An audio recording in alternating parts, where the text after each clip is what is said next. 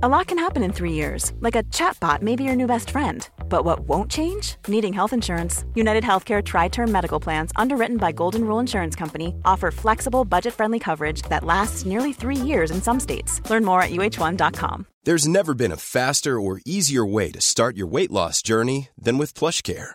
PlushCare accepts most insurance plans and gives you online access to board-certified physicians who can prescribe FDA-approved weight loss medications like Wigovi and Zepbound for those who qualify. Take charge of your health and speak with a board-certified physician about a weight loss plan that's right for you. Get started today at plushcare.com slash weight loss. That's plushcare.com slash weight loss. plushcare.com slash weight loss.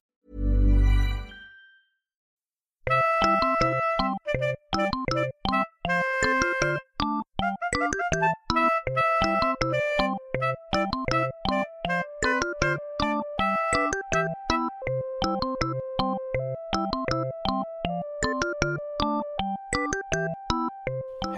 och välkomna till Arkivsamtal avsnitt 37. Just nu så är jag i Lund hemma hos min pappa Peter Gärdenfors som också är dagens gäst. Välkommen hit. Tack så mycket. Väl, just- välkommen hit. Ja, det borde kanske jag säga. Eller det kanske borde du säga. Eh, ja, vi har just kommit hem från eh, en resa i Karibien. Mest i Trinidad. Men Vi har också varit i Barbados. Så båda två lider av kanske lite sömnbrist. Mm. Hur mår du? Jag mår bra. Eh, jag lider av värmeöverskott ifrån Trinidad men jag är ganska säker på att det snart kommer försvinna när vi i den här kalla vintern i Lund. Mm. Vill du, ska vi presentera dig lite först för folk som inte vet vem du är? Vad jobbar du med för någonting? Jag är professor i kognitionsvetenskap vid Lunds universitet. Och det är kanske lite speciellt område. Det handlar om att vi försöker beskriva tänkandet ur en massa olika aspekter. Mm. Vi kan prata mer om det om en stund, men först så ska vi börja med Välj drycken.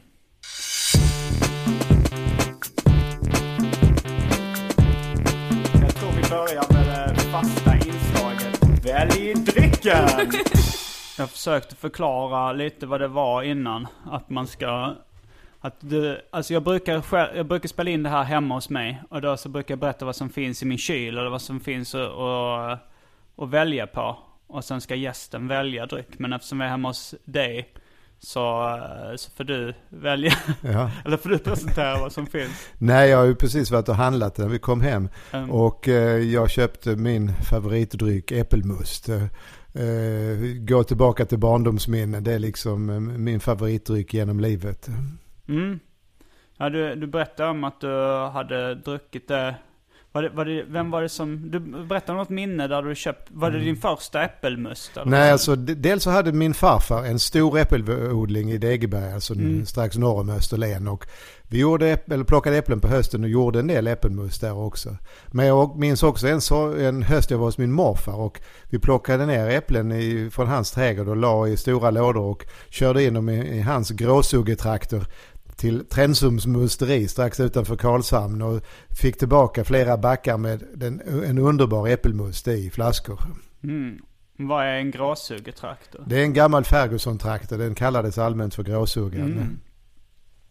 Fick du din första flaska äppelmust då? Nej, det tror jag inte. Det, jag är nog uppvuxen med det eftersom farfar hade äpplen Ja. alltid. Men eh, sen så hällde du upp eh, whisky. Eh, så det är lite, alltså så här, välj drycken momentet blev inte riktigt som vanligt. Nej, jag, Taxfree. taxfree från England som vi passerade på vägen hem. Och det var lite grann för att jag är rostig i halsen och hade inbillat mig, eller ville övertala mig att det skulle rensa strupen. Mm. Ja men då tar vi, tar vi en sån, då får Då vi tar vi skåla för ljudeffekten. Skål, skull. det var inte så mycket kling i den. Nej. Då kan vi backa bandet så att säga. berätta, berätta om din barndom. Alltså jag är uppväxt på landet. Eh, ett par mil söder om Kristianstad i en mm, litet ställe som heter Forsa Kar. Där ligger ett vattenfall. Men min far han hade ett sågverk. eh, Så att vardagen kretsade ganska mycket kring det här sågverket. Eh, Det var väldigt kuperat landskap, bokskog runt omkring. Jag lekte ute i, nat- i trädgården, i sågverket, i, i, i skogarna. Så det var väldigt mycket natur eh, och utomhus för, för min tidiga barndom i alla fall. Mm. Men du har, du har ju ett syskon, Ulf ja. Ulf. Men hur, hur gammal var du när han föddes? Han är fyra år yngre än jag och när vi var små så var det ju ganska stor åldersskillnad. Mm. Och, eh, han försökte hänga efter mig och jag försökte bli av med honom. Så att det var inte sådär eh, alltid på riktigt eh, god kontakt med varandra då. Men nu, nu är det ju en helt annan sak. Men det var en liten, liten by alltså? Ja, alltså Forsakar ligger utanför Degeberg. och Degeberg var på den tiden kanske 1500 personer. Och Mm. Forsakar var bara några få hus. En sågverk och en restaurang och några andra hus. Ha, hade du mycket kompisar när du var liten? Inte så mycket. Alltså jag hade en, en, en grannkompis som jag lekte med ganska mycket och en, en, en, en flicka också. Eh, Men sen när jag började skolan så blev det ju mer kompisar naturligtvis. Mm. Men det var inte så mycket faktiskt. Men jag har för mig någon gång vi har snackat att du sa att du var ganska blyg när du var liten. Ja det var jag. Det var jag långt upp i livet. Eh, Ganska tillbakadragen. Ja, när, uh, när började det ändras? Jag uppfattar inte dig som så jätteblyg idag men... Nej, men det gjorde väl när jag började resa lite mer internationellt och framförallt jag fick ju rätt gott självförtroende när jag stod i, i lektionssalen och föreläste. Va? Då liksom man, man vänjer sig vid att stå inför en stor publik och prata. Det, det hjälpte på självförtroendet ganska mycket. Mm. Men hade, hade du dåligt självförtroende när du var liten? Nej, inte självförtroende, men det var liksom jag var blyg. Jag var rädd Mm. för att ta kontakt med andra människor. Okej. Min far var likadan, han var väldigt blyg hela livet igenom. Hur var eh, min farmor, alltså din mamma? Nej, hon var väl ganska mer social, det var hon Mm. faktiskt, men inte extremt. Tror du att det är, är genetiskt ärftligt? Nej, det tror jag inte alls. Jag menar, min far hade fått en väldigt hård uppväxt eh, och eh, han eh, blev ganska kuschad och var tillbakadragen eh, större delen av sitt liv. Men jag har läst någonstans att, eh, att så här, bebisar, alltså redan innan de hinner få någon direkt social påverkan så är det vissa bebisar som blir mer rädda om man sätter fram foton på okända ansikten. Eh, och att det tydligen är ärftligt. Om man har blyga föräldrar så har man mer anlag för att bli rädd. Jag tror att det kan finnas en genetisk faktor på det också. In, intressant. Jag menar, Mm. det, nej, men du, okej, men det kan också vara man, att man tar efter föräldrarnas reaktion. Jag har Mm. ingen aning vad det som gäller i mitt fall. Nej. Men eh, när du nämner det här med foton, det har jag aldrig hört talas om, så kommer jag att tänka på en undersökning man har gjort med apor. Mm. Där eh, apor är rädda för ormar, liksom människor är. Va? Men eh, de kan vara mer eller mindre rädda. Mm. Och då har man visat att om föräldrarna är jätterädda för ormar så blir barnen också rädda. Är de mindre rädda så blir barnen mindre rädda. Så att Mm. barnens rädsla speglar eh, hur föräldrarna har varit. Men är det, men, men det har man inte kollat om det är genetiskt eller Jag, socialt? jag, jag har ingen aning, jag vet inte detta. Apor verkar ha en rätt central roll i din forskning i alla fall. Eller är det ett specialintresse? Nej, alltså jag börjar intressera mig för hur det mänskliga tänkandet har uppstått. Alltså varför vi är annorlunda än de andra djuren i vårt sätt att planera för framtiden och i vårt sätt att kommunicera med språk och så vidare. Mm. Så jag blev nyfiken på detta och jag har ju alltid haft något, någon sorts klockarkärlek till biologin och evolutionsteorin. Klockarkärlek. Ja, det betyder att, eh, ja vad är nu klockarkärlek? Det betyder att det är någon obesvarad kärlek egentligen. Men är det det då? Nej, jag vet inte. Är den obesvarad? Nej, det är den inte. Nu jag ju, jag började skriva om det mer eller mindre hobbyartat. Mm. Och den här boken Hur Homo blev sapiens är någon sorts redogörelse på första boken på svenska.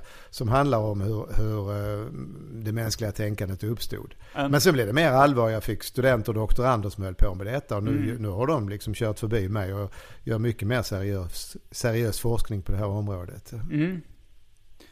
Uh, minns du din första romantiska kärlek? Oh, jag hade nog flera i, i, i skolan. Eh, En del obesvarade och en, del kanske halvt besvarade. Men det var ju det. Nej, jag vet inte om jag minns den första. Men... Jag tänkte om du var blyg och sådär. Hade Ja. du liksom förhållande och sånt när du var liten? Eller? Nej, det hade jag inte alls. Det var högst, långt upp i högstadiet innan det hände någonting överhuvudtaget. Mm. Men det var alltid, jag gick och tittade på flickorna. Det, Mm. det, det gjorde jag nog eh, ända sedan jag var ganska liten. Um, men, men i högstadiet hade du ditt första förhållande eller? Förhållande vet jag inte om man ska kalla det, men i alla fall. Um, ja, jag, har- jag har märkt, eh, eller jag intervjuade mamma innan. Hon, hon har ganska lätt för att prata om så här förhållande och, och, och känslor och sådär. Men det kan, kanske är en del av din blyghet att, eh, att du inte vill prata så mycket om sånt? Ja, för mig det är en ganska privat del av, alltså just det här med förhållanden är en ganska Mm. privat del av mig själv. Och känslor har jag väl, jag växte ju upp i ett samhälle på landet där man inte pratar särskilt mycket om känslor. Alltså Nej. mina föräldrar gjorde inte, mina far och morföräldrar pratade inte om känslor. Va? Så att det språket är lite magert hos mig faktiskt. Eh, var det Mm. någon skillnad? Alltså så här, det var, va- för jag tänkte att i det gamla Sverige så pratade män kanske mindre om och visade mindre känslor och pratade mindre om känslor. Men var, men det stor skillnad eller pratade ingen om känslor? Liksom? Nej, jag har ingen minne av att någon pratar särskilt mycket om känslor. Alltså det här var gamla bondesamhället och då, då pratar man om praktiska ting och det, Ja. det var nog med det. Men, eh, vad- vad pratar man om liksom det praktiska inom äktenskapet och sånt också? Ja, alltså jag minns mina föräldrar. Okej, det var ju man pratade lite skvaller om folk och, eh, och eh, de bekymmer man hade med företaget och ekonomin eventuellt. Va? Eller, Mm. Men eh, det var väldigt mycket praktiskt som, som jag minns det. Men, nej men vi, för fyra år sedan så reste vi tillsammans i, i Vietnam. Och då kom jag ihåg att jag, jag ställde lite mer frågor om ditt privatliv och, och kärleksliv och så här, Men jag märkte att du ändå blev ganska irriterad efter ett tag. Så nu, men nu så liksom har jag inte riktigt, nu när vi var ute och reste så frågade jag inte så mycket. Alltså här, för att jag kände, men, så jag, jag vet inte ens om du, eh, har du något förhållande nu? Är du singel? Jag är singel. Jag försökte snegla när man fyllde i de här uh, singel, gift eller Jaha. other på, eh, när man fyllde i på flygplatsen. alltså så här, det, det yrket du har och ganska mycket av din personlighet beror ju, eller domineras ganska mycket av att du är ganska smart. Eller så här, du, du rycker på axlarna nu men, men kan, kan, tror ja på något sätt. Det är väl, det är väl så här, inte så lätt att bli professor i kognitionsforskning. Nej, nej, men jag märkte ju ganska tidigt. Jag har lätt för lära. När jag läser Mm. någonting så fastnar det lätt. Va? Inte liksom eh, rabbelkunskapen, den har jag så, men när det gäller att begripa någonting. Jag har, lätt Mm. för att begripa. Jag hade lätt för matte, det märkte jag ganska snart. Och det, det var ju liksom mitt bästa ämne på gymnasiet också. Så jag satsade på naturvetenskap. Men var, samtidigt var jag intresserad av filosofi. Alltså jag tog filosofi som tillvalsämne redan på gymnasiet. Jag hade en inte särskilt bra filosofibok och lärde mig inte jättemycket om det. Men jag fortsatte själv. Och när jag kom till Lund så började jag läsa matte för jag trodde jag skulle bli någonting inom naturvetenskap. Men eh, jag läste lite fysik och jag läste ganska mycket datalogi, eh, alltså programmeringskunskap. Eh, Och jag trodde jag skulle hamna inom det området. Men samtidigt så läste jag filosofi parallellt för att allmänbilda mig. Jag tyckte det var intressant alltså.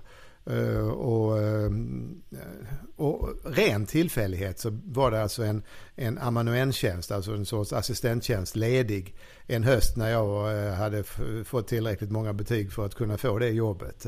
Och så blev jag anställd där på halvtid och det ena ledde till det andra så fortsatte jag med, med filosofi. lärarassistent. Som, ja, som assistent. Man gjorde scheman och skrivningar och lite undervisning. Det var liksom assistentjobb. Hur gammal var du då? Jag var 21 när jag började där, tror jag. Jo, det stämmer nog. Ehm, och eh, nej, och sen så fastnade jag där och jag hade en, en kollega där som vi hade ganska lika intressen. Han hade också bakgrund i matematik och han satte mig in på beslutsteori som var ganska matematiskt. Så jag, fortsatte på det och det blev en avhandling inom det området. Och sen fick jag jobb där. Jag menar, jag hade kanske drömmar eller tankar på att där kunde man inte leva på att vara filosof. Men det ena gav det andra liksom. Jag har inte aldrig... Och sen kom då den här tjänsten i kognitionsvetenskap upp. Eh, något decennium eller ett och ett halvt senare. Eh, och då eh, pass, kände jag liksom omedelbart att det här, är, det här är mitt område. Det här är vad, som, vad jag vill göra. Mm. Och jag hade tur att få det jobbet. Men, men när du började bli intresserad av filosofi, var det, var det någon av dina föräldrar som var intresserad av det? Nej, inte Eller alls. Hur, hur hamnade du in på Ja, det, det? är en väldigt bra fråga. Jag tror faktiskt att det var någon av mina gymnasiekompisar som också var lite intresserad. Han läste ganska mycket. Vi pratade väldigt mycket om relativitetsteori. Vi pratade om olika eh, åskådningar. Han satte mig på rätt mycket spår. Det var en, en tillfällighet att Vem vi var pratade. det? Leif Trulsson hette han och eh, han blev statistiker så småningom. Jag har tappat kontakten med honom tyvärr. Eh, Men vi var, vi var ganska goda kompisar. Vi pratade om ditt och datt och han Mm. liksom satte mig på en del spår. Jag hade läst eh, lite mer fysik än han hade gjort. Så vi, vi, liksom, vi pratade om ditt och datt. Mm. Men vad handlar den första avhandlingen du skrev i filosofin? Ja, den handlar om hur man fattar beslut i grupper. Det var en ekonom, Kenneth Arrow, som hade visat att det finns ingen jättebra metod för hur man ska göra detta. Så det var omöjligt att hitta en riktigt bra demokratisk metod.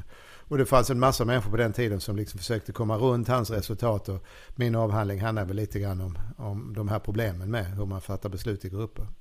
Mm. Var det det din uh, första bok som handlade om också? Nej, det var det inte alls. Sen bytte jag till, uh, alltså jag, hela, hela, hela min karriär har jag varit intresserad av att beskriva kunskap kan man nog säga. Alltså, när jag programmerar så höll jag på rätt mycket med artificiell intelligens. Alltså att försöka få datorer att bli smarta. Mm. Och beslutsteori är också en form av att beskriva hur kunskap påverkar beslutsfattandet. Sen var jag intresserad av vad som händer när vi förändrar vår kunskap. Alltså vi får, du har en del uppfattningar och så får du ny information som inte stämmer med dina uppfattningar. Mm. Vad händer? Hur tar du dig till detta? Hur, hur, hur ändrar du din, eh, din, din kunskapsmängd? Mm. Och det satte ju upp en del matematiska modeller för. Det var ju bland de första som gjordes så det här har faktiskt fått ganska mycket uppmärksamhet i, över hela världen. Till min stora förvåning. Hur gammal var du när du eh, skrev den? Det var Knowledge in Flux. No, ja, just det. Det var jag väl 39 när den kom ut. Okej. Okay. Mm. Ja, för det är det för mig jag kommer ihåg. Ja. När jag var liten. det var du ganska, ja det var du en tio år. Mm. Mm. Men, uh, men vi skulle komma tillbaka lite med vad kognitionsforskning var. Alltså det, det innehåller väl, äh, sä, säg vilka, vilka liksom, det är väl en tvärvetenskaplig det, grej. Det är vilka, jättetvärvetenskapligt. Vilka ämnen, vilka ämnen domineras Alltså vi kan ju börja med filosofin som handlar om, då, om just vad, vad, är, vad är kunskap och hur skaffar vi kunskap? Men också vad är medvetandet? Det är en väldigt viktig sak. Alltså vad är förhållandet mellan hjärnan och tänkandet och hjärnan och kunskapen och hjärnan och språket? Va? Det är väldigt mycket som handlar om, om, om, om de här medvetna upplevelserna. Och sen är det naturligtvis hjärnforskningen. Vilka delar av hjärnan har hand om olika funktioner och finns det något program i hjärnan och eh, ja, väldigt mycket sådant. Eh, psykologin, alltså alla de kognitiva processerna med, med perception och minne och inlärning och eh, problemlösning och beslutsfattande. Och språkvetenskapen, vad, vad betyder det att du kan ett språk? Inte bara grammatiken utan du måste begripa orden också. Och då är vi inne på ett av mina forskningsområden som är alltså språkets betydelse, semantiken. Och sen har vi ju äh, datalogi naturligtvis. Alltså frågan om vi kan få datorer att tänka. Vad skulle det betyda att en dator kan tänka? Kan datorer bli smarta? Det är några av de viktigaste områdena. Och sen har vi biologin som då handlar om liksom jämförelse mellan djurs tänkande och människans tänkande. Det är några av de viktigaste områdena. Var alla de här, liksom, när, när man börjar prata om kognitionsforskning, var alla de här ämnena integrerade då, eller har det kommit till efterhand? Alltså det började ju med att man hade, de moderna datorerna hade uppstått på slutet av 40-talet och början av 50-talet. Och då var det några som fick idén att hjärnan är kanske en enda stor dator. Mm. Och då försökte man arbeta ut den idén, liksom försöka hitta dator, hjärnans program och, och um, se hur detta kunde användas när det gäller att förstå hur vi använder språket eller hur vi löste problem. Mm. Och, och, och, göra robotar enligt den här idén. Men den här idén höll inte, alltså att hjärnan är en dator. Den, man har mer eller mindre gett upp den liknelsen numera. Av vilken och, anledning? Därför att den funkade inte. Alltså det här med att det är ett, neuronerna, eh, nervcellerna har hand om ettor och nollor, det funkar inte. Va? Och, eh, Um, kan det inte vara så fast det bara är mycket, alltså så om man, om man till slut tar ner det till, uh, alltså till mikronivå så kanske det är bara ett och nollor fast det är så stort och avancerat. Ja, nej men alltså de beräkningsmetoderna hjärnan har det stämmer inte med de metoder som de klassiska datorerna har. Sen har det kommit nya versioner, neurala nätverk och det ena med det andra som man försöker använda. Och nu för tiden kan man säga att kognitionsvetenskapen är ett enda en enda villervalla av en massa teorier och en massa metoder. Så mm. det, det, är ett väldigt tvärvetenskapligt område. Men vad skulle du säga är den största skillnaden mellan en hjärna och en dator? Uh, att hjärnan har en, en, en, en vilja eller en, ett skäl att hålla sig själv vid liv. Det är en del av en levande organism. En dator har ännu ingenting eh, som driver den så att säga. Den bryr sig inte om om du drar ut kontakten ur väggen. Det är väl bara att mm. programmera in en Nej, det är inte, det är inte så bara. Så det finns de som tror att du inte får de här behoven annat än om du är en organism. Man, man, man, man behöver inte tro på den här grejen. Men det här bara programmera in, det är liksom en myt. Det går, det går inte att göra det så himla lätt. Alltså, För en, en, dator med känslor har vi väldigt långt ifrån. Jag tror egentligen att vi är väldigt långt ifrån en dator som kan sägas tänka också. Jag tror inte jag tror inte man kan skilja mellan tänkandet och, och, och känslorna. Va? Det var ju en, ett antagande från, man gjorde från början att mm. du skulle kunna beskriva det rena tänkandet. Mm. Men det, det, tror jag ja, inte men, det finns. Nej, det finns alltid också... en emotionell klang i allting. Jo men det, det tänker jag också är en del av, av tänkandet. Men, eh, mm. men eh, ja, alltså jag tycker ändå inte det verkar, alltså rent på pappret verkar det inte så svårt att att liksom programmera in en överlevnadsinstinkt i en dator. Eller så, det borde... vad, vad, är det svåra i du, det? Du kan simulera det men du får den aldrig att bete sig särskilt naturligt. Man har Nej, det är bara för att den inte är så avancerad kanske. Ja, ja. men alltså det när, när man väl försöker skapa, återskapa de här mänskliga förmågorna. Eh, att bara helt enkelt göra vanliga vardagsproblemlösningar. Eh, så visar det sig att det är jättesvårt. Alltså, vi är oerhört skickliga på att kommunicera. Att få en dator som kommunicerar med dig på ett mänskligt sätt är väldigt svårt. En grej som jag har märkt som är, som är liksom gemensam för både dig och mig och, och Ulf, din bror och så här, att, att vi verkar vara ganska så ha någon slags samlardrivkraft. Mm. Eller jag samlar på godisförpackningar och serietidningar och sånt där. Du, du har alltid också samlat på frimärken och du fotograferar och katalogiserar blommor och sådär. Mm. Mm. Orkidéer. Tror du, tror du att det, tror du att det kan vara en, något genetiskt? Ja, kanske. Alltså, jag tror att män mer än kvinnor är, har den här samlarinstinkten. Det är väl kanske en grov generalisering. Men det är väl en, det är någon sorts variant av den här på eh, upptäckarglädjen och att liksom hitta en ny grej som man inte har sett innan. Och så vill man notera det på något sätt. Um.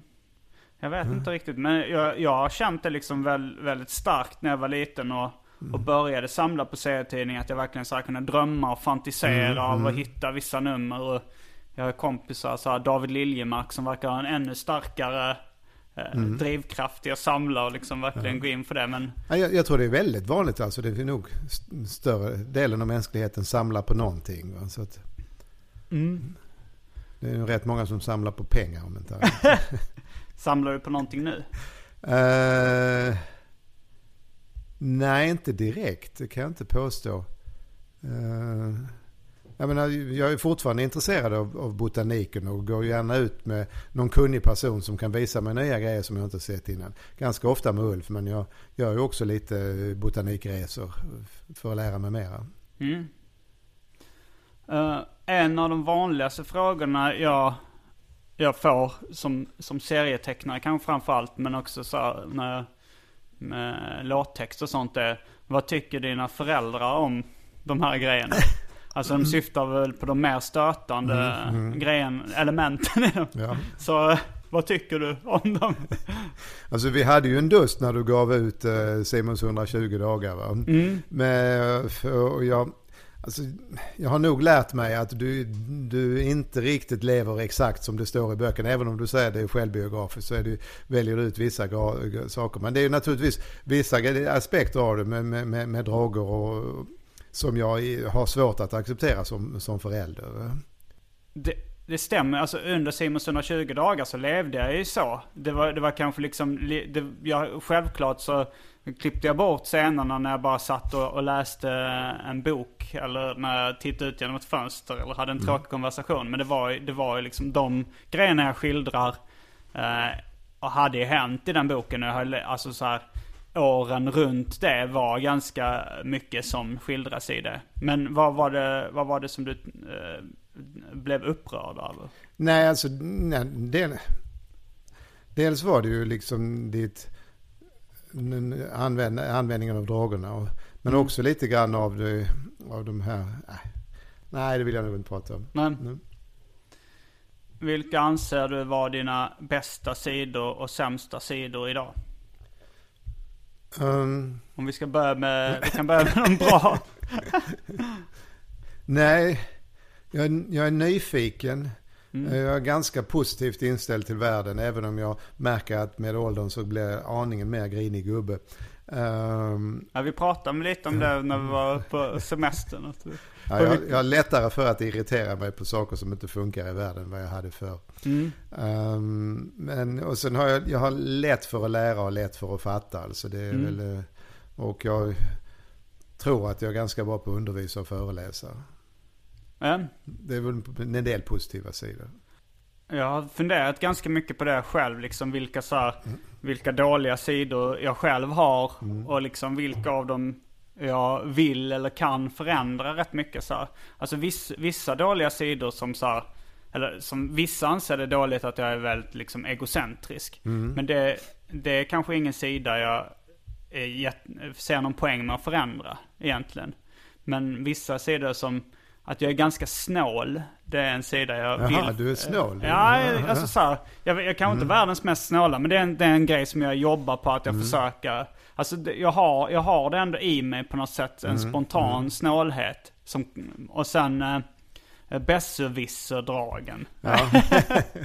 ja men det har jag nog också haft lite med besserwisserdrag. Alltså när, när ni växte upp eh, så eh, hade jag ju, eller frågade ni mig så hade jag alltid en förklaring eh, till, till era frågor. Och, och sen ibland kollade ni upp mig och så visade det sig att det inte alls stämde vad jag sa. Va? Ja, Eh, Jag hoppas att det stämde för det mesta men några gånger så drog jag nog till med saker jag inte hade ja vissa, riktigt, eh, riktigt grund för, till. vissa sådana grejer tänkte jag på. Till exempel, hur, hur gör man vitt vin? Det är en sån grej vi har, vi har diskuterat några flera gånger. Jaha, det kommer jag inte ens ihåg att vi har gjort. Men, Men uh, va, va, va, hur gör, vilka, vilken sorts druvor gör man Nej, det är inte, det är inte det. Man har inte med skalen i, i tillverkningen. Du kan göra vitt vin på röda druvor om du inte har med skalet. Men vad är det vanligaste? Att ha röda eller gröna druvor? Alltså det vet jag inte faktiskt. Men jag tror att det, det vanligaste är väl att ha gröna druvor till vitt vin. Fast jag är inte säker. Fast, eh, nej men det, för det är en sån sak som jag, jag har levt med väldigt länge. Jag har trott att, eller du har sagt att man har för det mesta röda druvor, man har t- tar bort skalen.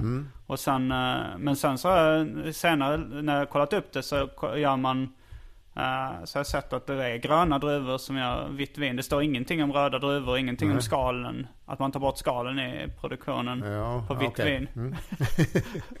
Och en- den andra grejen var, hur gör man olivolja? Jaha. Ja, Har vi på Har du glömt vad Ja, din, förklaring är? man, man pressar oliver i, i någon sorts eh, kvarn eller press. Jag kan inte detaljerna där heller. Nej, jag bara för mig att du brukar säga att man pressar kärnorna. Nej, nej, inte- nej, nej, Okej. nej, de kom, nej, det har jag aldrig sagt. Eller kan jag inte tro att jag har sagt i alla fall. Nej, ja, men, men, eh, Mm. det, vi, som tur var så bråkar vi inte nu under resan. Men man Mm. märker ändå att ibland så krockar båda våra så här besserwisser-grejer. Även om, eh, om vi diskuterar så här Jackson 5. Mm. Eller vi, vi hörde någon låt på radio som jag trodde var Jackson 5. Och så sa du eh, att Jackson 5, de sjunger alltid femstämmigt. Så sa jag, nej det gör de inte alls. Så eh, jo det gör de. Och sen så, det var ingen av oss liksom gav sig där. Och du sa även att Jackson 5 hade varit i Sverige och spelat in låten Flickorna i Småland. Ja, just det. Och det, det tänker jag du måste ha blandat ihop det med någon innan. Jag har faktiskt inte googlat upp det här innan. Så det får, Ja, det får du göra. det Jag- får jag tror- lyssnarna få skriva in och säga A. Uh, har Jackson 5 sjunger de alltid femstämmigt. Och B. Har de spelat in en svensk, där de sjunger på svenska, Flickorna från Småland. Adressen är arkivsamtal at simongmail.com. Mm, jag hoppas jag har rätt. Uh, har du, har du någonsin så här, har, du, har, du någonsin ångest? Mår du dåligt på det sättet ibland? Inte nu för tiden. När jag var student så hade jag väl lite bekymmer. Det var kanske beroende på det här med um, osäkerheten. Som jag, då var blygheten.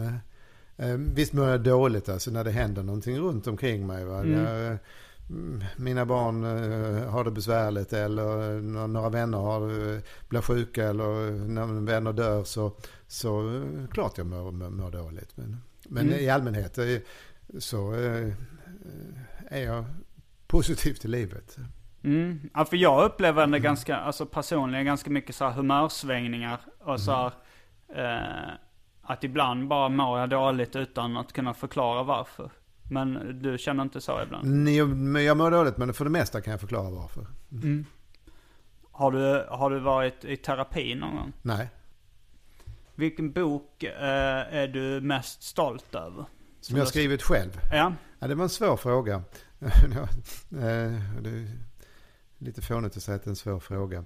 Um, um, alltså det, rent akademiskt sett så har jag väl den här Conceptual Spaces tyckte jag var rätt genombrytande. Även om den tidigare Knowledge and Flux var, var um, också uh, ganska kan du berätta kort vad den handlar om? Nej, alltså Knowledge and Flux handlar om de här modellerna för vad, vad, hur man ska revidera kunskap när du får ny information som strider med, mm. med vad du gjort. Och, och Conceptual Spaces handlar om ett sätt att beskriva kunskap som bygger på geometriska modeller. Va? Det är också lite halvmatematik men handlar om, om um, det är ett annat sätt att beskriva kunskap för datorer. Um, där jag utnyttjar geometriska modeller snarare än de här traditionella programmeringsspråken. Och de har jag gått vidare på nu och gör semantik för språk på grund av detta. Men eh, för att komma tillbaka till din fråga. Eh, den här boken som först kom på svenska, Hur Homo blev sapiens. Det var den första som jag skrev som en riktig populärvetenskaplig bok på svenska.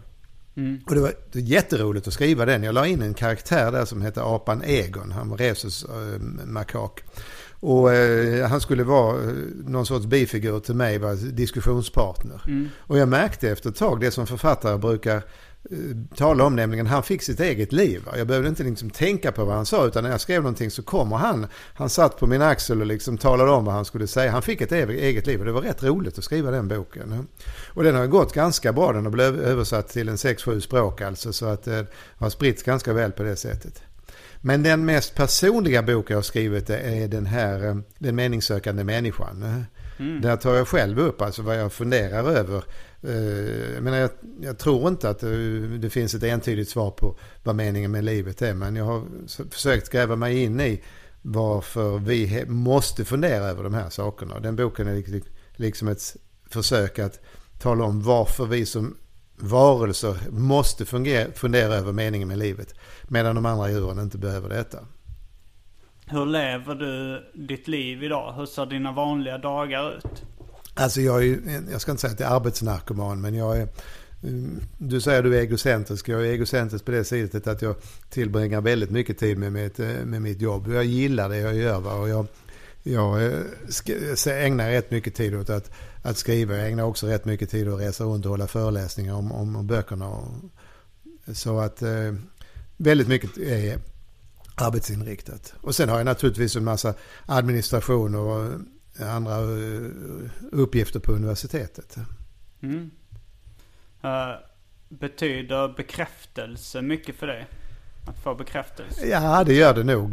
Det, det gör det. Men alltså det, det är väldigt mycket en, en, en eh, inre drivkraft. Alltså jag vill, det är liksom, jag vill göra eh, saker. Jag har massa idéer som jag vill på något sätt hinna skriva ner eller eh, arbeta ut. Eh.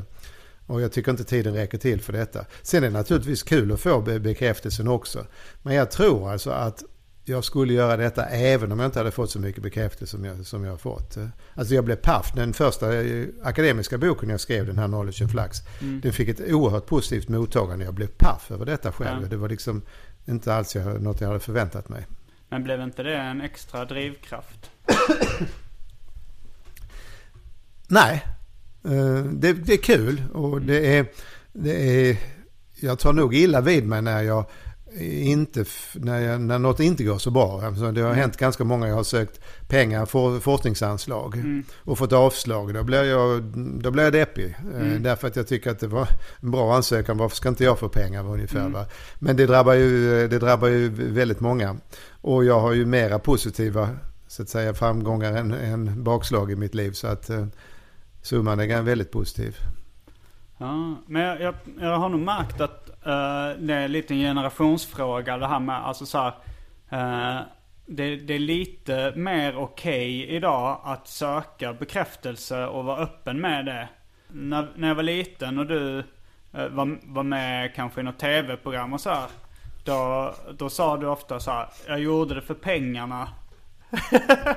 Hellre än att säga det så här att det var gjorde det för att eh, det var kul att, Ja. synas. eller Ja, det kan inte stämma för, för tv-programmen har jag aldrig fått några pengar. Nej men, Men, kanske eh, en intervju eller, jag vet inte, eller radioprogram eller någonting. Jag kommer Mm. ihåg att du sa det rätt ofta. Och vi, och vi, Mm. och vi diskuterade det så att, att mamma sa till exempel ah, vad, det, du, jo, så här, du tycker säkert det är roligt att bli lite känd eller något sånt där. Mm. Men, men du sa nej det var bara för pengar.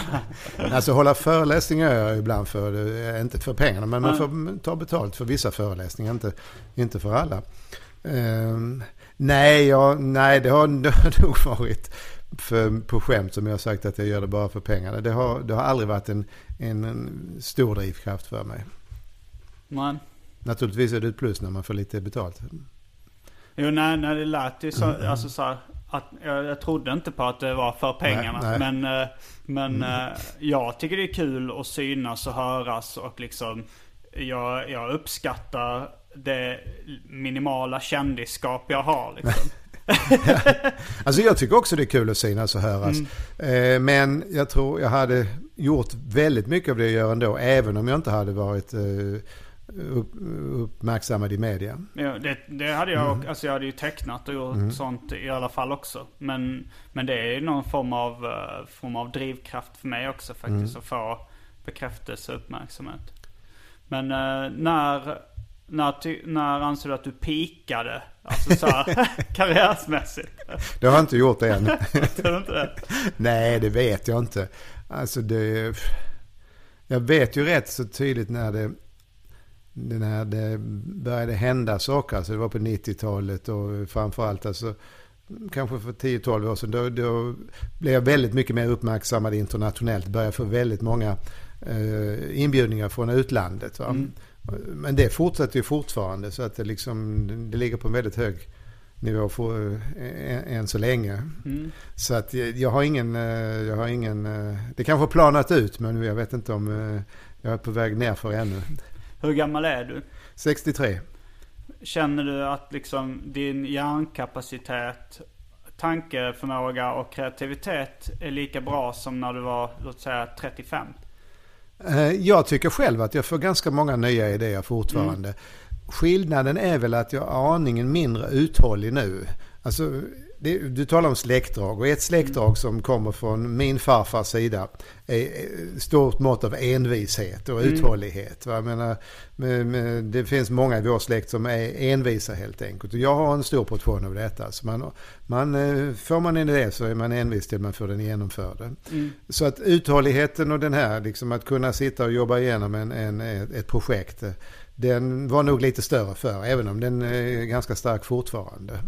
Så att den här koncentrationsförmågan att verkligen kunna fokusera länge på en sak, det är inte riktigt lika bra än eh, numera. Men du, du har ju läst mycket om hjärnan och sådär. Du borde, eh, hur är det egentligen? Alltså så här, kan, kan man vara, ha pikar i hjärnan eh, liksom på samma sätt som kroppen? Alltså så här, de flesta idrottsmän gör ju som bäst ifrån sig i kanske 25-årsåldern. Ja. Hur är det med hjärnan och liksom? Alltså, det beror ju på vilket område du håller på med. Det finns de som säger att matematiker de har sin bästa period alltså när de är 25. Det är de som är mest kreativa. Och, men det stämmer inte riktigt. Det finns en del matematiker som har varit kreativa väldigt långt upp i åldern. Eh, gjort nya grejer. Va? Men man brukar ändå säga att de stora genombrotten. Men i andra ämnen, alltså författare håller på att mogna genom hela livet. Kanske bara blir bättre och bättre ju äldre de blir. Eh, och jag, inom mitt område så tycker jag det är samma sak. Alltså att jag tycker jag lär mig att se nya mönster. Jag får mm, lär mig att knyta ihop fler och fler områden eh, ju äldre jag blir. Mm. Ja, vi, vi snackade lite om det innan, men jag tänkte så att författare, alltså de kanske lär sig mer och mer, men de verken som blir mest uppmärksammade eller mest eh, eh, kända eller liksom för, som får bäst kritik är det är väl ganska sällan folk skriver det efter 60 eller? Alltså så här, om vi säger litteraturens eh, mest uppskattade verk så här, Brott och straff och, och jag vet inte vad det mer finns för böcker. Men Nej, det, är inte, det är inte den sämsta boken att komma ihåg. Nej, men... eh, men, eh, jag, jag, bör, eller jag är kanske lite nervös för det att man ska bli sämre kreativt eh, när man blir äldre. Ja, det, det blir man kanske, men alltså jag tror just författare har nog ganska lång, eh, en lång bana, kan skriva långt upp i åldern. Eh, Men du, men du känner inte att du liksom tänker långsammare? Nej, det, nej, det gör jag inte. Jag får, tvärtom, jag tycker jag får massa nya idéer Mm. hela tiden. Så att det, det känner jag ingen, ingenting Mm. av. Jag ska läsa upp ett brev som jag fick apropå för, förrförra avsnittet där vi pratade om eh, hamstern, de här dryckesanordningen. Med anledning av den diskussionen du och Nils hade i avsnitt 35 av Arkivsamtal angående den dryckesanordning som är vanlig att installera till sin hamster eller sitt marsvin. Ni spekulerar över hur en sån fungerade. Det finns ju ett antal olika varianter på vattenflaskor för gnagare. Men den absolut vanligaste måste vara den med ett vinklat rör i botten av flaskan. I detta rör sitter en kula eh, något mindre än själva röret. I slutet av röret är något avsmalnat längst ut och när vattnet i flaskan trycker på kulan sätter den sig som en kork och vattnet kan ej rinna ut. När en hamster eller marsvin vill dricka vatten så trycker den upp kulan med nos eller tand och vatten kan leta sig förbi kulan och in i munnen på djuret. Med vänlig hälsning från en som känner en som har haft en hamster. ja, när vi snackade om varför inte den anordningen inte fanns för människor. Eh, alltså den anordningen att dricka. Ja, nej men det, vadå, det, det finns det nu. Det finns ju sådana här sportflaskor med en, en plupp i det som man drar ut när man ska dricka. Va? Ja, det är det. det är ungefär samma mekanism. Ja, men jag tänkte att det skulle vara motsvarande lika stor som den som fanns. Men, eh, nej, men det, så vi, vi snackade också lite om eh, det här ekorrhjulet. Mm. Eh, eller hamsterhjulet liksom som man springer i. Men det, det tänkte jag på ganska nyligen att det är konstigt att det inte har utvecklats mer. Att man inte kan gå till ett gym som är utformat som en arkadhall i stort sett. Mm. Alltså där man kan eh, göra, spela Pac-Man genom att springa liksom eh, från spöken och liknande. Var, Ja. varför, varför finns inte det? Ja, det var en intressant fråga. Du, du, det finns ju vissa saker. Dels har Mm. du uh, Wii som, där man spelar tennis med mot en dator. Mm. Eh, Då du har med kroppen med, och den läser av dina rörelser. Och sen har du ju sådana grejer som uh, Laserdome och dem där man springer omkring och skjuter på varandra. Det är ju också...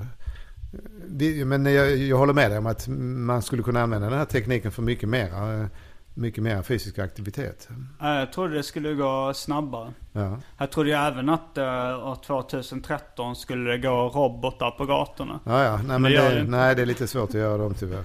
Um, hur långt har man kommit? Du har, du har, lä- du har hållit på en del med robot. Ja då, jo, jag håller på ganska mycket. Alltså, det är massor med problem. Dels är de rent motoriska, att kunna få en robot att gå och hålla balansen och göra rörelser.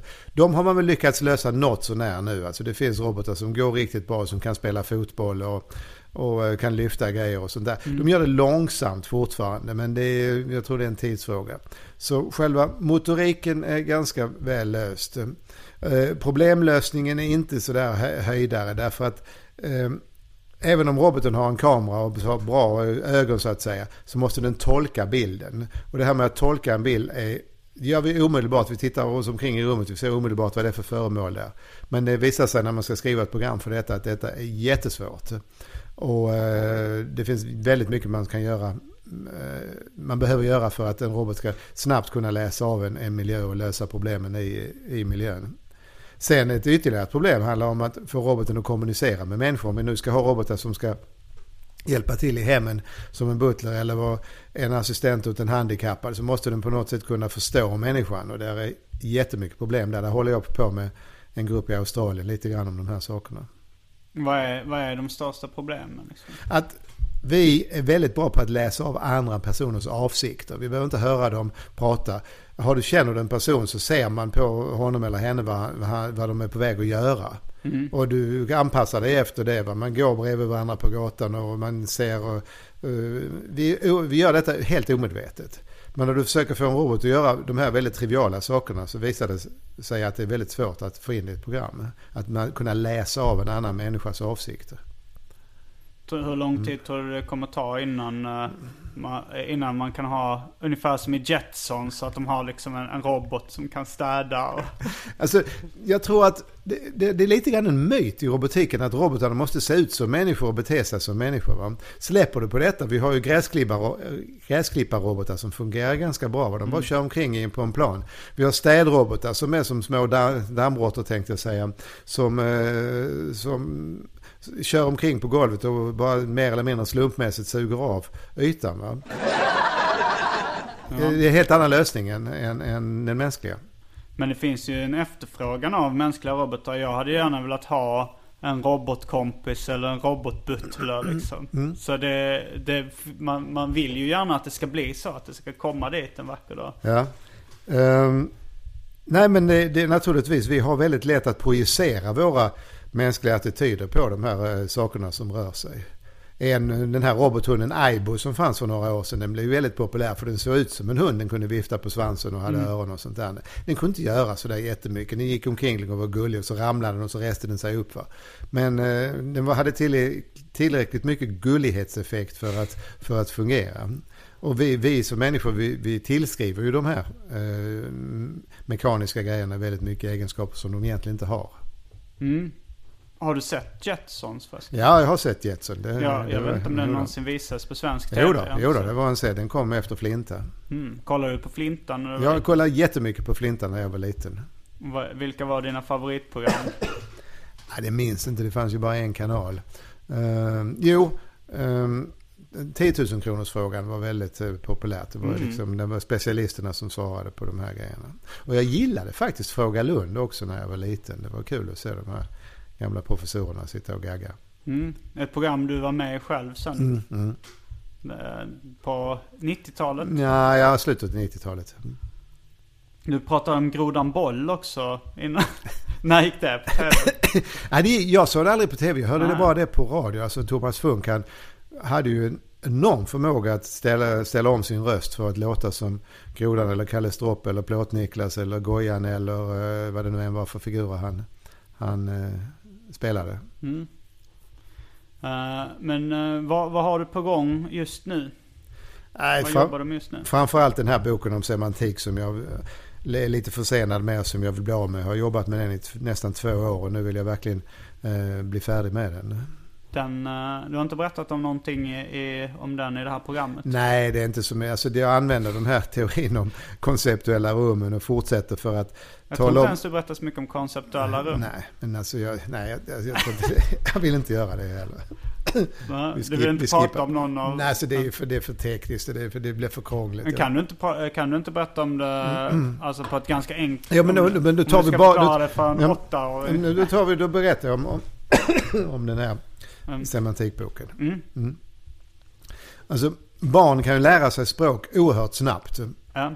Man har räknat ut att Eh, ett barn mellan två år till man slutar grundskolan lär sig i genomsnitt eh, tio nya ord om dagen. Alltså lär sig förstå dem. De använder inte alla orden. Så när de är tonåringar så kan de 50-60 000 ord av sitt modersmål. Mm. Och det är oerhört snabb inlärningsprocess. Och vi har, vet inte hur den går till. Alltså vad som händer i huvudet när du lär dig förstå ett nytt ord. Och då försöker jag hitta på lite halvmatematiska modeller om vad det är för strukturer i vår kunskap som gör att vi oerhört snabbt kan lära oss nya ord. Och eh, en idé jag har är att vi delar in orden i domäner. Det finns liksom färgord och det finns formord och det finns ord för djur och det finns ord för växter och så vidare. Och har du fattat att det finns en domän som har vissa ord så är det mycket lättare att lära sig nya ord i den här domänen än, än, än, eller, än att lära sig helt nya ord som kommer från ett annat område. Så att vad jag gör är att jag försöker beskriva hur de här kunskapsdomänerna eller hur de semantiska domänerna är, är uppbyggda. Och det gör jag med lite geometriska modeller. Och det här är, kan man eventuellt använda. Dels för att förstå hur barn lär sig språk. Va? Det är liksom, eh, de här strukturerna hjälper till att snabba upp inlärningen. Men också förhoppningsvis för att få datorer att bli bättre på att kommunicera med, med naturligt språk. Mm. Så det, när kommer den boken? Eh, förhoppningsvis senare i år. Om jag blir färdig snart så gör det väl det. Och den kommer direkt på engelska? Ja, oh ja. Uh, men annars, är du, är du fortfarande med i Filosofiska rummet ibland? Um, ibland. Det är helt slumpmässigt när det. Alltså det beror på vilket tema som de väljer för eh, filosofiska rummet. Och så har de ett antal personer som de brukar kontakta. Det är P1 alltså. Det är P1 på söndag eftermiddagar. Mm. Vilket är, det- vilket är ditt favoritställe på jorden? Som du har varit på? Du har rest mycket. Ja, det är en bra fråga. Eh, Jag har rest på många ställen och varit på många ställen. Det finns många, många platser jag gillar. Men på något sätt, jag är, är jag återvänder till min barndomsplats i Forsa Kara. Alltså den eh, ravinen där med vattenfallet. Det är ändå eh, en fast punkt i mitt liv. Mm. Är mest av nostalgiska skäl eller är det, är det så att du tycker det, det är det vackraste? Nej, men ja, det är en blandning alltså naturligtvis. Jag känner mig hemma där.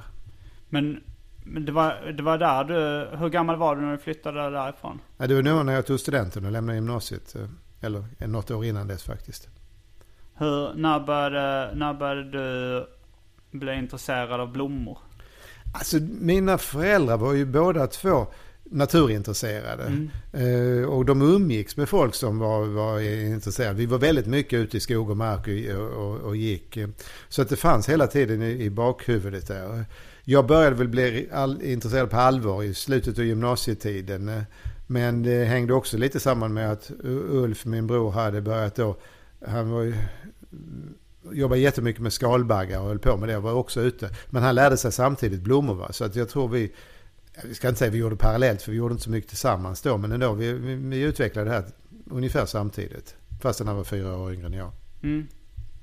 Och sen nu... Sen blev du intresserad av specialintresserad av orkidéer. Ja, det är ju en ren tillfällighet men det, det råkar bli så. Vad är det med orkidéer som du tycker så mycket om?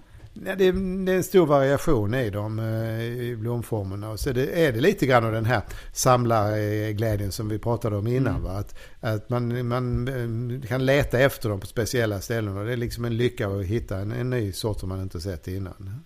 Har du dokumenterat alla du sett? Har du Nej, nej jag satt, sätter kryss i blomboken. Det vad jag Mm. gör. Du jag, jag, jag, tar, jag tar fotografier eh, när jag ser dem. Nej, jag har ingen aning alltså. Jag har sett de flesta svenska, inte alla va. Men, eh, men jag letar inte sådär jättesystematiskt när jag är ute och reser. Ser jag en så blir jag glad. Och, eh, men det är inte så starkt drivkraft hos mig.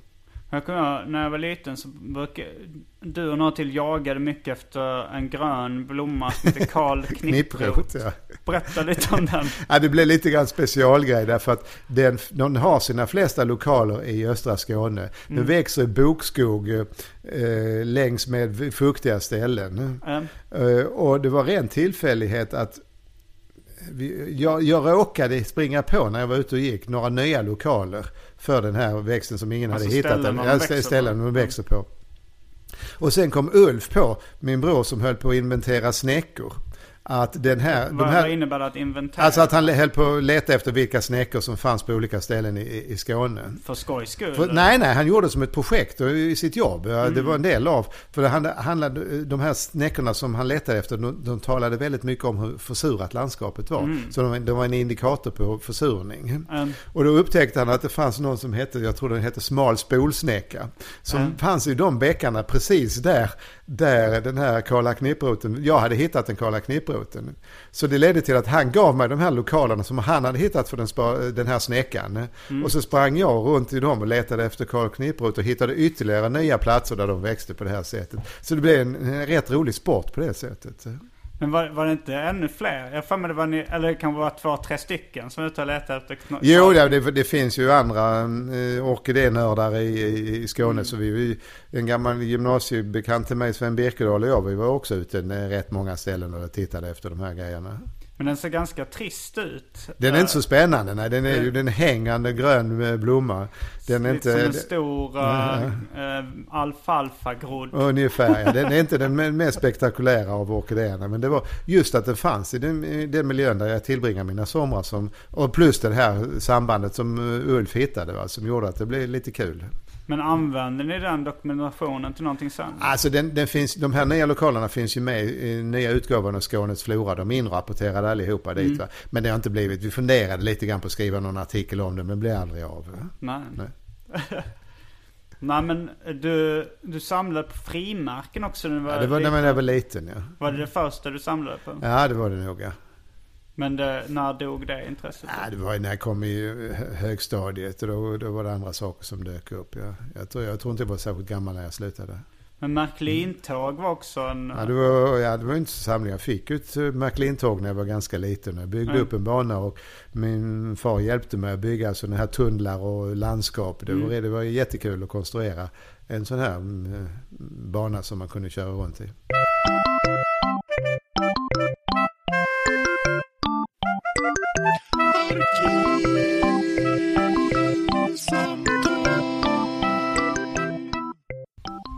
Vi tog en, eh, en kort paus här för att eh, du skulle ställa in eh, mat i ugnen. Ja. Eh, Det är ett specialintresse som både du och jag har, kan man säga. ja, jag gillar att laga mat. Mm. Vilka, vilka är dina favoriträtter? Ja, det är svårt att säga. Jag gör väldigt mycket. Men mm, fisk, gör, olika fiskrätter gör jag gärna. Har du någon favoritfisk? Ja, jag är- gör gärna på röding men också det finns en torskfisk som heter lubb. Som jag använder. Det är en ganska fast torskfisk. Ja, det, jag vet inte vad jag talar om. Han är från väst, västkusten. Jag har hört uttrycket att det är lubba. Som men det är något helt att annat. Springa. Ja. Varför, varför säger man lubba? Eh, ingen aning. Mm. Men jag kanske ska stänga dörren bara här. Nej, det är ugnen som brusar. Eh, den kan ju stä- ska stänga av den då. Nej men det... Ja, det för det, det är fläkten som går på den. Det är lite- fläkten som går på den. Lite uh, ambiens. Mm, tänkte jag inte på. Om du, men om du fått välja mat från någon världsdel. Vilken eh, hade du valt då om du, som favorit? Alltså, ja, världsdel blir det Asien utan tve- tvekan. Mm. Och kanske då gärna den vietnamesiska eller thailändska maten. De är väldigt förtjusta i. Mm, vad är det du lagar för mat nu då? Nu blir jag inspirerad av att vi varit i Karibien och jag gör någon sorts eh, kött med uh, järkkrydda och så lite grillad sötpotatis till det och så ska det bli någon grönsaksgratäng men den har jag inte hunnit, tänka igenom riktigt. Vad är egentligen uh, jerk-krydda? Ja, det, det, är, det är någon chili, lite lök, eh, lite kanske tamarind eller någonting sådant. Alltså det, men det är en ganska stark krydda. Mm. När, när vi var i, i Trinidad så, så serverade de delfin på något ställe. Men det ville, det ville inte du äta med, med motiveringen att det var däggdjur. Nej, det var, en, det var en konstig reaktion. Jag funderar över den själv. Jag brukar inte vara rädd för att äta eh, andra djur. Men det kändes lite konstigt det här att man fångade delfiner. Jag skulle kanske vara un, un, ungefär samma reaktion som att äta säl. Ingenting egentligen principiellt emot det, men... Jag vet inte, jag, på något sätt så har jag... Alltså om jag, om jag känner efter så tycker jag det känns fel att äta djur. Speciellt djur som är lika människor. Men jag har blivit så van vid det så att jag tycker det... Så jag gör det rätt ofta i alla fall. Men, men liksom om jag ska följa min känslomässiga instinkt så borde jag inte äta djur. Och har dragit ner ganska mycket på, på det på sista tiden. Hur känner du inför det? Nej, det är samma sak. Jag tycker inte om att äta djur som har gått under, vad ska vi säga, industriella förhållanden, industrikycklingar eller någonting sånt. Utan jag äter ganska mycket lamm och, och, och viltkött. Och som sagt, väldigt mycket fisk. Mm. Men, men du tycker det känns, så, du tycker det känns moraliskt fel att äta, äta djur egentligen? Nej, inte, det gör jag inte. Däremot så tror jag att man, alltså vissa, vissa djur eh, blir ju eh, hotade, utrotningshotade på grund av att vi fiskar dem för mycket eller jagar dem för mycket. Det, det tycker jag är fel. Men, men du tycker en, en vild älg, är, det, det kan man skjuta utan några problem? Ja. Tycker du inte synd om den älgen? Nej, inte om den har haft ett ly lyckligt frigående liv i skogen. Ah, Okej, ja, det är en ganska krånglig fråga. Men eh, jag, jag, ty- jag tycker det är fel. Alltså så här, eller fel och fel. Jag tror kanske inte så jättemycket på objektivt rätt och fel. Men, men egentligen så ser jag inte, eftersom jag har alternativ att äta något annat så ser jag ingen så här direkt anledning. Nej, jag, jag inser att jag har en konflikt i mig själv för jag skulle inte själv kunna jaga en älg. Jag skulle kunna fiska utan problem. Och, eh, men eh, så därför det, jag vet ju flera av mina vänner äter bara sånt som de skulle kunna ta död på själva. Va? Det är egentligen en ganska bra moralisk princip. Jag tycker den, den moraliska principen har ändå sina, eh, alltså sina, sina luckor liksom. Det är så här, Mm. okej om, om du skulle vilja ha ett, eh, en skalle från en indian på väggen. Mm. Då är det så här, då, då tycker jag inte det känns mer okej om du har skjutit indianen själv och satt upp skallen på väggen. Eller om du bara har köpt den Nej, någonstans. nej det, liksom. må, det måste vara någon i andra änden som, som ser till att det blir produkter av det. Jo, det, men det, jag tycker det, det är inte, det alltså det argumentet att så här, om man skjuter den själv så är det okej. Det tycker jag det känns, det känns inte mer okej. Bara för att man är själv beredd att döda, om vi säger då en, en indian för att det ska, jag vet inte. Men, men det verkar vara ett argument som ganska många köper det här. Ska man äta kött så ska man vara beredd att döda det själv. Jag tycker inte det spelar så stor roll. Nej, jag, jag lever inte efter det själv, men jag tycker ändå det har en viss, viss bäring. Ja, eller ja. Det, är väl, det är väl bara att man visar sig antingen så här eh, kallsinnig eller ignorant. ja, jag märker att du börjar bli lite stressad med mat i ugnen. Så vi kanske ska avsluta.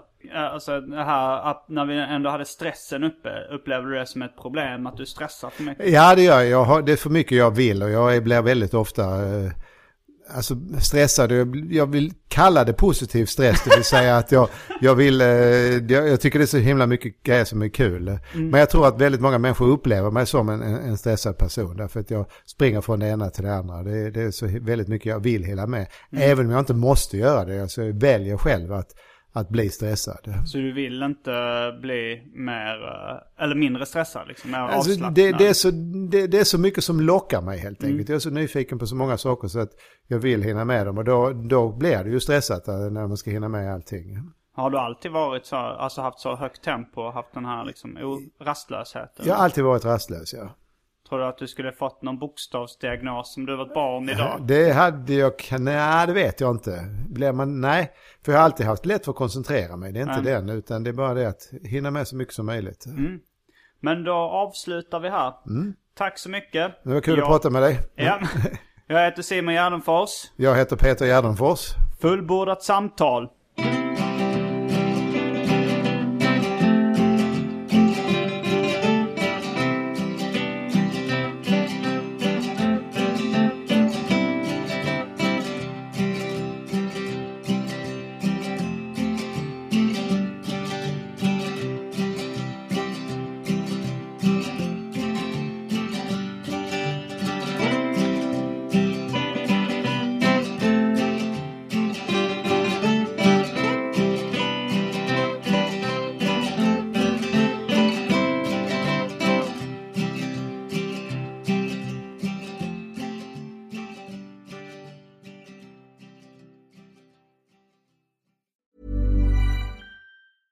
Planning for your next trip? Elevate your travel style with Quince. Quince has all the jet setting essentials you'll want for your next getaway, like European linen, premium luggage options, buttery soft Italian leather bags, and so much more. And it's all priced at 50 to 80% less than similar brands. Plus, Quince only works with factories that use safe and ethical manufacturing practices. Pack your bags with high-quality essentials you'll be wearing for vacations to come with Quince. Go to quince.com slash trip for free shipping and 365-day returns.